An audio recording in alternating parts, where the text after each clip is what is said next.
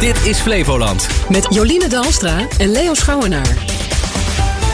Goedemorgen. Er zijn weer heel veel vogels te zien in de Oostvaardersplassen. En hoe dat komt, hoor je straks in het nieuws. Ja, en je hoort wat een paar meter opschuiven scheelt voor de reddingsbrigade in Lelystad.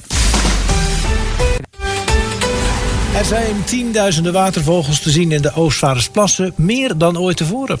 Is, dat is volgens ecoloog Menno Bart van Eerden te danken aan de moerasreset. Het effect is nu al gigantisch en we verwachten er heel veel van. Twee jaar geleden is gestart met het weglaten stromen van water uit een heel groot stuk van de Oostvaardersplassen. Afgelopen zomer stond het helemaal droog. Dit wordt gedaan om nieuwe planten en rieten kans te geven om te ontkiemen en groeien. Dat zorgt nu voor veel voedsel waar de watervogels op afkomen. Kijk, we hebben altijd duizenden wintertalingen, en, en, maar nu hebben we tienduizenden wintertalingen. Wij hadden dus een, een, telling vorige week en toen hadden we 50.000, ruim 50.000 wintertalingen. En 30.000 smienten, 2.500 pijlstaarten. Dus met andere woorden, dat zijn aantallen die je nergens in Flevoland, zelfs nergens in Nederland op dit moment kunt zien. Die zijn allemaal afgekomen op de hoeveelheid voedsel die hier nou is. En dat heeft te maken met die reset. In de herfst heeft het heel veel geregend, waardoor in het moerasresetgebied weer wat water staat. Met al de zaden op de bodem zorgt dat voor de ideale omstandigheden. Als er een waterlaagje komt, ja, dan zijn die watervogels er als de kippen bij, letterlijk, eigenlijk om dan dat zaad op te gaan snibberen. En dat doen ze s'nachts. Dus wat wij hier nou overdag zien, dat zijn al die vogels die s'nachts in de reset zitten op, het, uh, op dat nieuwe voedselaanbod. Want overdag rusten ze dus op het water in de Oostvaardersplassen. Maar ook elders in het Nationaal Park Nieuwland. We hebben zenders aangebracht op een aantal wintertalingen. En die geven ons fantastisch per uur informatie over wat ze doen. Dus dat verhaal van nacht en dag. Nou, dat komt prachtig naar voren uit dat zenderonderzoek. Maar we zien ook de verbinding binnen Nationaal Park eh, Nieuwland tussen Oostvaardersplassen en Markenwadden. Dus op een gegeven moment hebben we gezien met de zenders dat de wintertalingen dus liever nog naar de Markenwadden soms overdag gaan om daar te rusten. En s'nachts komen ze hier weer eten. Nou, dat zijn fantastische verbindingen in zo'n groter systeem als Nationaal Park Nieuwland nu is. Waarbij je ziet dat het samenhangt. Het is niet één ding, het is niet één gebied. En ook de beheerders die, die, die zijn met elkaar in discussie over... nou, hoe, wat moet je dan uiteindelijk om het voor, voor, voor Flevoland zo optimaal mogelijk te maken. De moerasreset moet er uiteindelijk voor zorgen dat er 600 hectare nieuw rietlandschap ontstaat. Je ziet overal riet in de Oostvaardersplassen, maar het gaat om de schaal. dus we willen meer en, en grotere hoeveelheden. En dat is zo bijzonder. Want dat riet biedt bescherming voor vogels tegen bijvoorbeeld de vos. De hoop is dat veel soorten daardoor betere kansen krijgen en het goed gaan doen. Dat kan van alles zijn. Uh, er zijn nu veel meer grote zilvereigers, dus die kolonie zal gaan groeien. De lepelaar is tijdelijk uh, uit de Oostvaardersplassen uh, verdwenen, omdat het riet eigenlijk heel erg terugliep. Maar die komt ongetwijfeld terug. Bijvoorbeeld ook de roerdampstand zal, zal, zal vooruit gaan. Maar ook zeldzamere beesten als porseleinhoen, snor, blauwborst baardmannetje, die zijn er nu al, maar die, die zullen nog in aantal heel erg gaan toenemen. Maar ook kiekendieven, het symbool van Flevoland, dat zal het dan ook weer goed gaan doen. Dat was ecoloog Menno Bart van Eerde over de ontwikkelingen in de Oostvaardersplassen. Een boothuis van een reddingsmaatschappij dat bij slecht weer niet bereikbaar is. Het lijkt een uh, slechte grap, maar voor de KNRM en Lelystad is het al twee jaar zo. Ja, komt een eind aan, want er is geld voldoende om de boel te verplaatsen. Een klein stukje maakt het verschil. Sylvijn van Lichtenberg van de KNRM vertelt waar het boothuis komt te liggen. Het boothuis gaat, uh, gaat verplaatsen en dat betekent dat we eigenlijk, uh, ja, ik kan het aanwijzen, daarheen gaan. Uh, ja, dat is hemelsbreed, ja, zeg 100 meter of zo, hè? Ja, maar dat maakt dus het verschil. Dat maakt wel het verschil, ja. Want waar zit hem dat dan in? Nou ja, het zit hem erin dat de golven die uh, hier nu binnenkomen door het jachtengat... Uh, precies uh, evenwijdig lopen aan, de, aan het ponton en daarmee over het ponton heen slaan. Zoals het nu ligt. En zometeen wordt eigenlijk het ponton uh, gericht in de richting van die golven. En dan komt de golf weer een schot voor. En daarmee uh, hebben we veel minder last, of eigenlijk geen last meer van, uh, van golven bij slecht weer. De KNRM is opgelucht, want er is niets frustrerender dan een noodoproep krijgen tijdens een storm en dan niet te kunnen uitvaren. Het gebeurde in februari 2022. Door de storm Eunice sloegen de golven zo hoog over het toegangsbeton naar het boothuis dat het onbereikbaar was. Door het boothuis te verleggen komt er nu ook een andere toegang vanaf de kade. Die komt uh, vanaf uh, uh, ja, de, de plek zeg maar, bij de parkeerplaats van de VOC. Uh, in plaats van uh, aan het einde van de dam bij Batavia Haven. Dus de ingang voor ons wordt anders en daarmee is het uh, beter toegankelijk, ook bij slecht weer. Had het niet van tevoren voorzien kunnen worden dat dit een probleem zou zijn? Nou ja, dat is een hele goede vraag. En uh, misschien hadden we dat moeten doen. We hebben dat niet, we hebben dat niet gezien. Uh, dus uh, met z'n allen dachten we dat dit de beste plek was. En na een paar stevige stormen bleek dat toch gewoon niet het geval te zijn. Hebben we, hebben we onderschat. Ja, ja blij dat er nu een oplossing is. Hartstikke blij dat er een oplossing is. Die oplossing kost rond de 140.000 euro. De werkzaamheden gaan volgende maand van start. Eind januari gaat het, uh, gaat het uh, uh, beginnen. Eind januari gaan we het ponton verplaatsen. En dat betekent dat we ja, medio februari ergens zal het verhuizing gereed zijn. Wat heb je gisteren gemist op radio en tv? En met het oog op morgen ging het over PVV-Kamerlid Martin Bosma. Die heeft zich kandidaat gesteld voor het voorzitterschap van de Tweede Kamer. Het is een derde poging. Politiek historicus aan de Radboud Universiteit Koen Vossen vraagt zich af of het een voordeel is voor de PVV als Bosma wordt gekozen. Ja, nou ja, ik vergelijk het altijd maar een beetje als, uh, als je als uh, leraar een kind in de klas hebt zitten. Dan kan dat eerder een nadeel zijn. Ja. Want dan gaat de leraar die denkt van ik moet mijn kind niet voortrekken. En dat zal bij een Kamervoorzitter ik, ik, ik spreek uit ervaring, ja. Ja, nou ja, dat kan als Kamervoorzitter natuurlijk ja. ook zo zijn. Hè, dat hij uh, heel erg moet laten zien van luister eens, ik, ik, ik trek niet de PVV voor. Ik geef iedereen de ruimte. Als hij dat niet gaat doen, dan zal hij snel genoeg dat merken. En dan zal hij daar kritiek op krijgen. Bosma heeft volgens Vossen als Kamervoorzitter humor. Hij vergelijkt zijn toon ook met een beroemde Nederlandse schrijver. Het is een man die heel erg houdt van een bepaald soort provocatieve ironie. Die je heel ver in het verleden wel bij Gerard Reven zag, zeg maar. Hè? Dat, dat type ironie. Gerard Reven? Je weet nooit helemaal zeker in de provocatie wat is nou waar, wat oh, is nou niet waar. Hè? Dus dat, dat bedoel ik een beetje. Ja, ja. Dat uh, graag ook een beetje met bloemrijke taal uh, verwoord. De, in die traditie staat hij wel een beetje. je hoort Mieke van der Wij uh, denken van hoe durf je nou Martin Bosma te vergelijken met Reven? Ja, daar heeft Mieke wel vaker last van. Oh, vind je ja? Ja, ik luister zaterdagochtend nog wel eens naar. VVD-Kamerlid Roelien Kammiga die gaat zich trouwens niet kandideren voor het uh, voorzitterschap van de Tweede Kamer. Die is nu even tussen de bedrijven door, hè, tussen die oude en de nieuwe Kamer.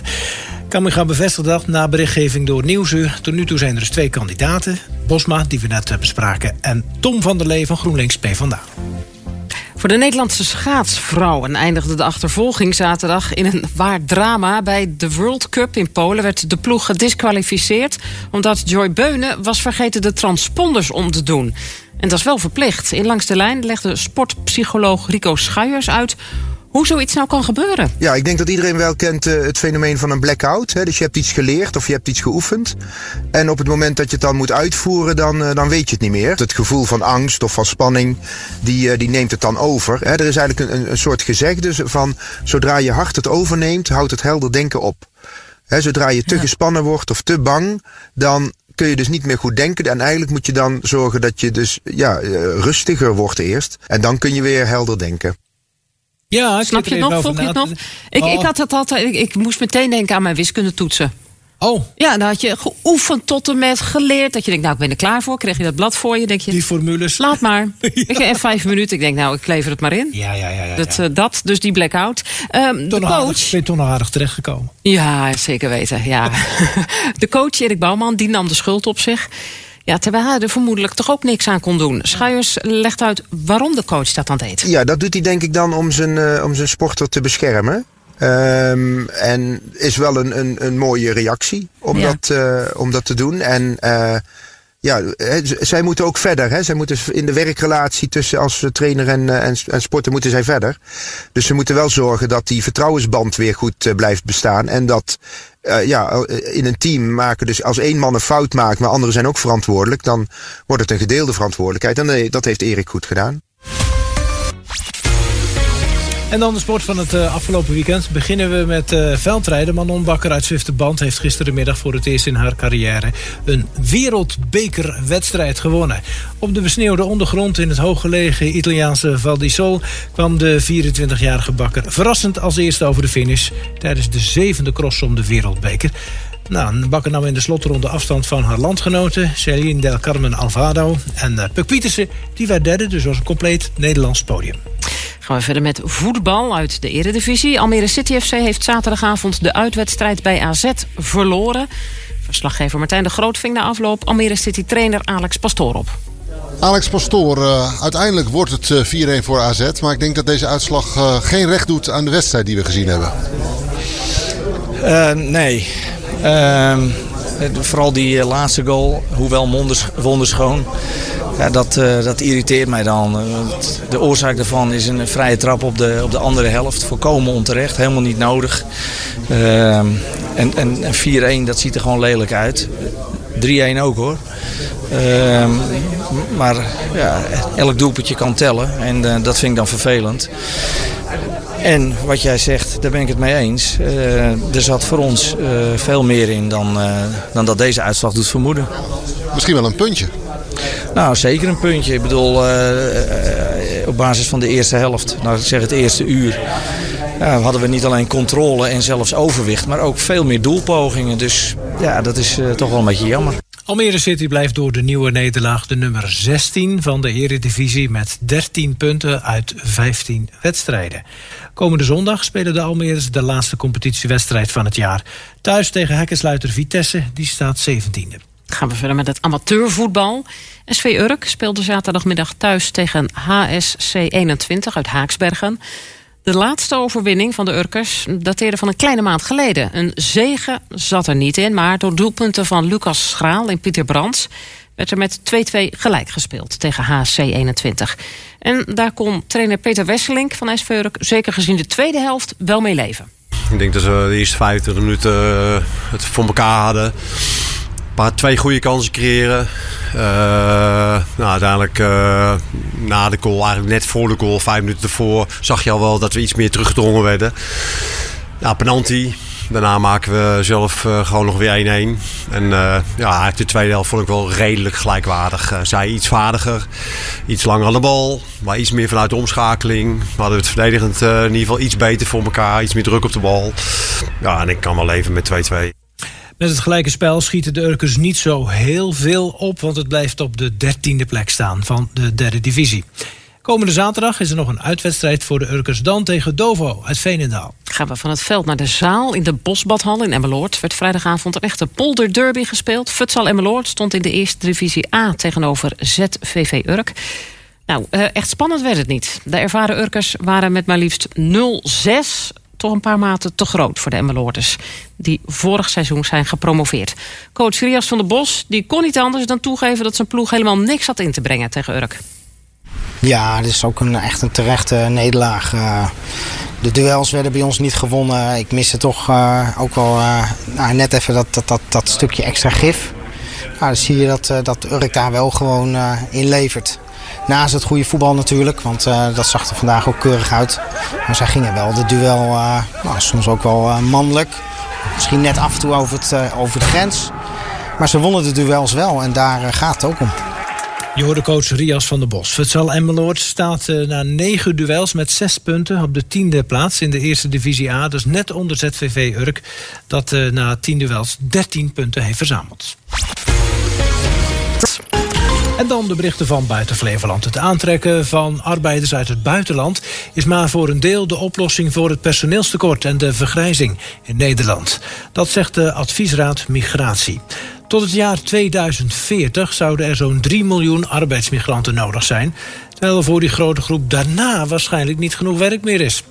Volgens de adviesraad zijn er ook andere opties om de vergrijzing en het personeelstekort te verzachten. De keuzes zijn uh, langer doorwerken tot je pensioengerechtigde leeftijd optrekt tot 69 jaar in 2040. Meer uren werken, meer arbeidsmigranten aantrekken kan. Uh, maar ook meer belastingen en meer premies betalen kan ook. Of zeggen, nee, we moeten een soberder verzorgingsstaat hebben. Minder pensioenen, minder voorzieningen voor ouderen.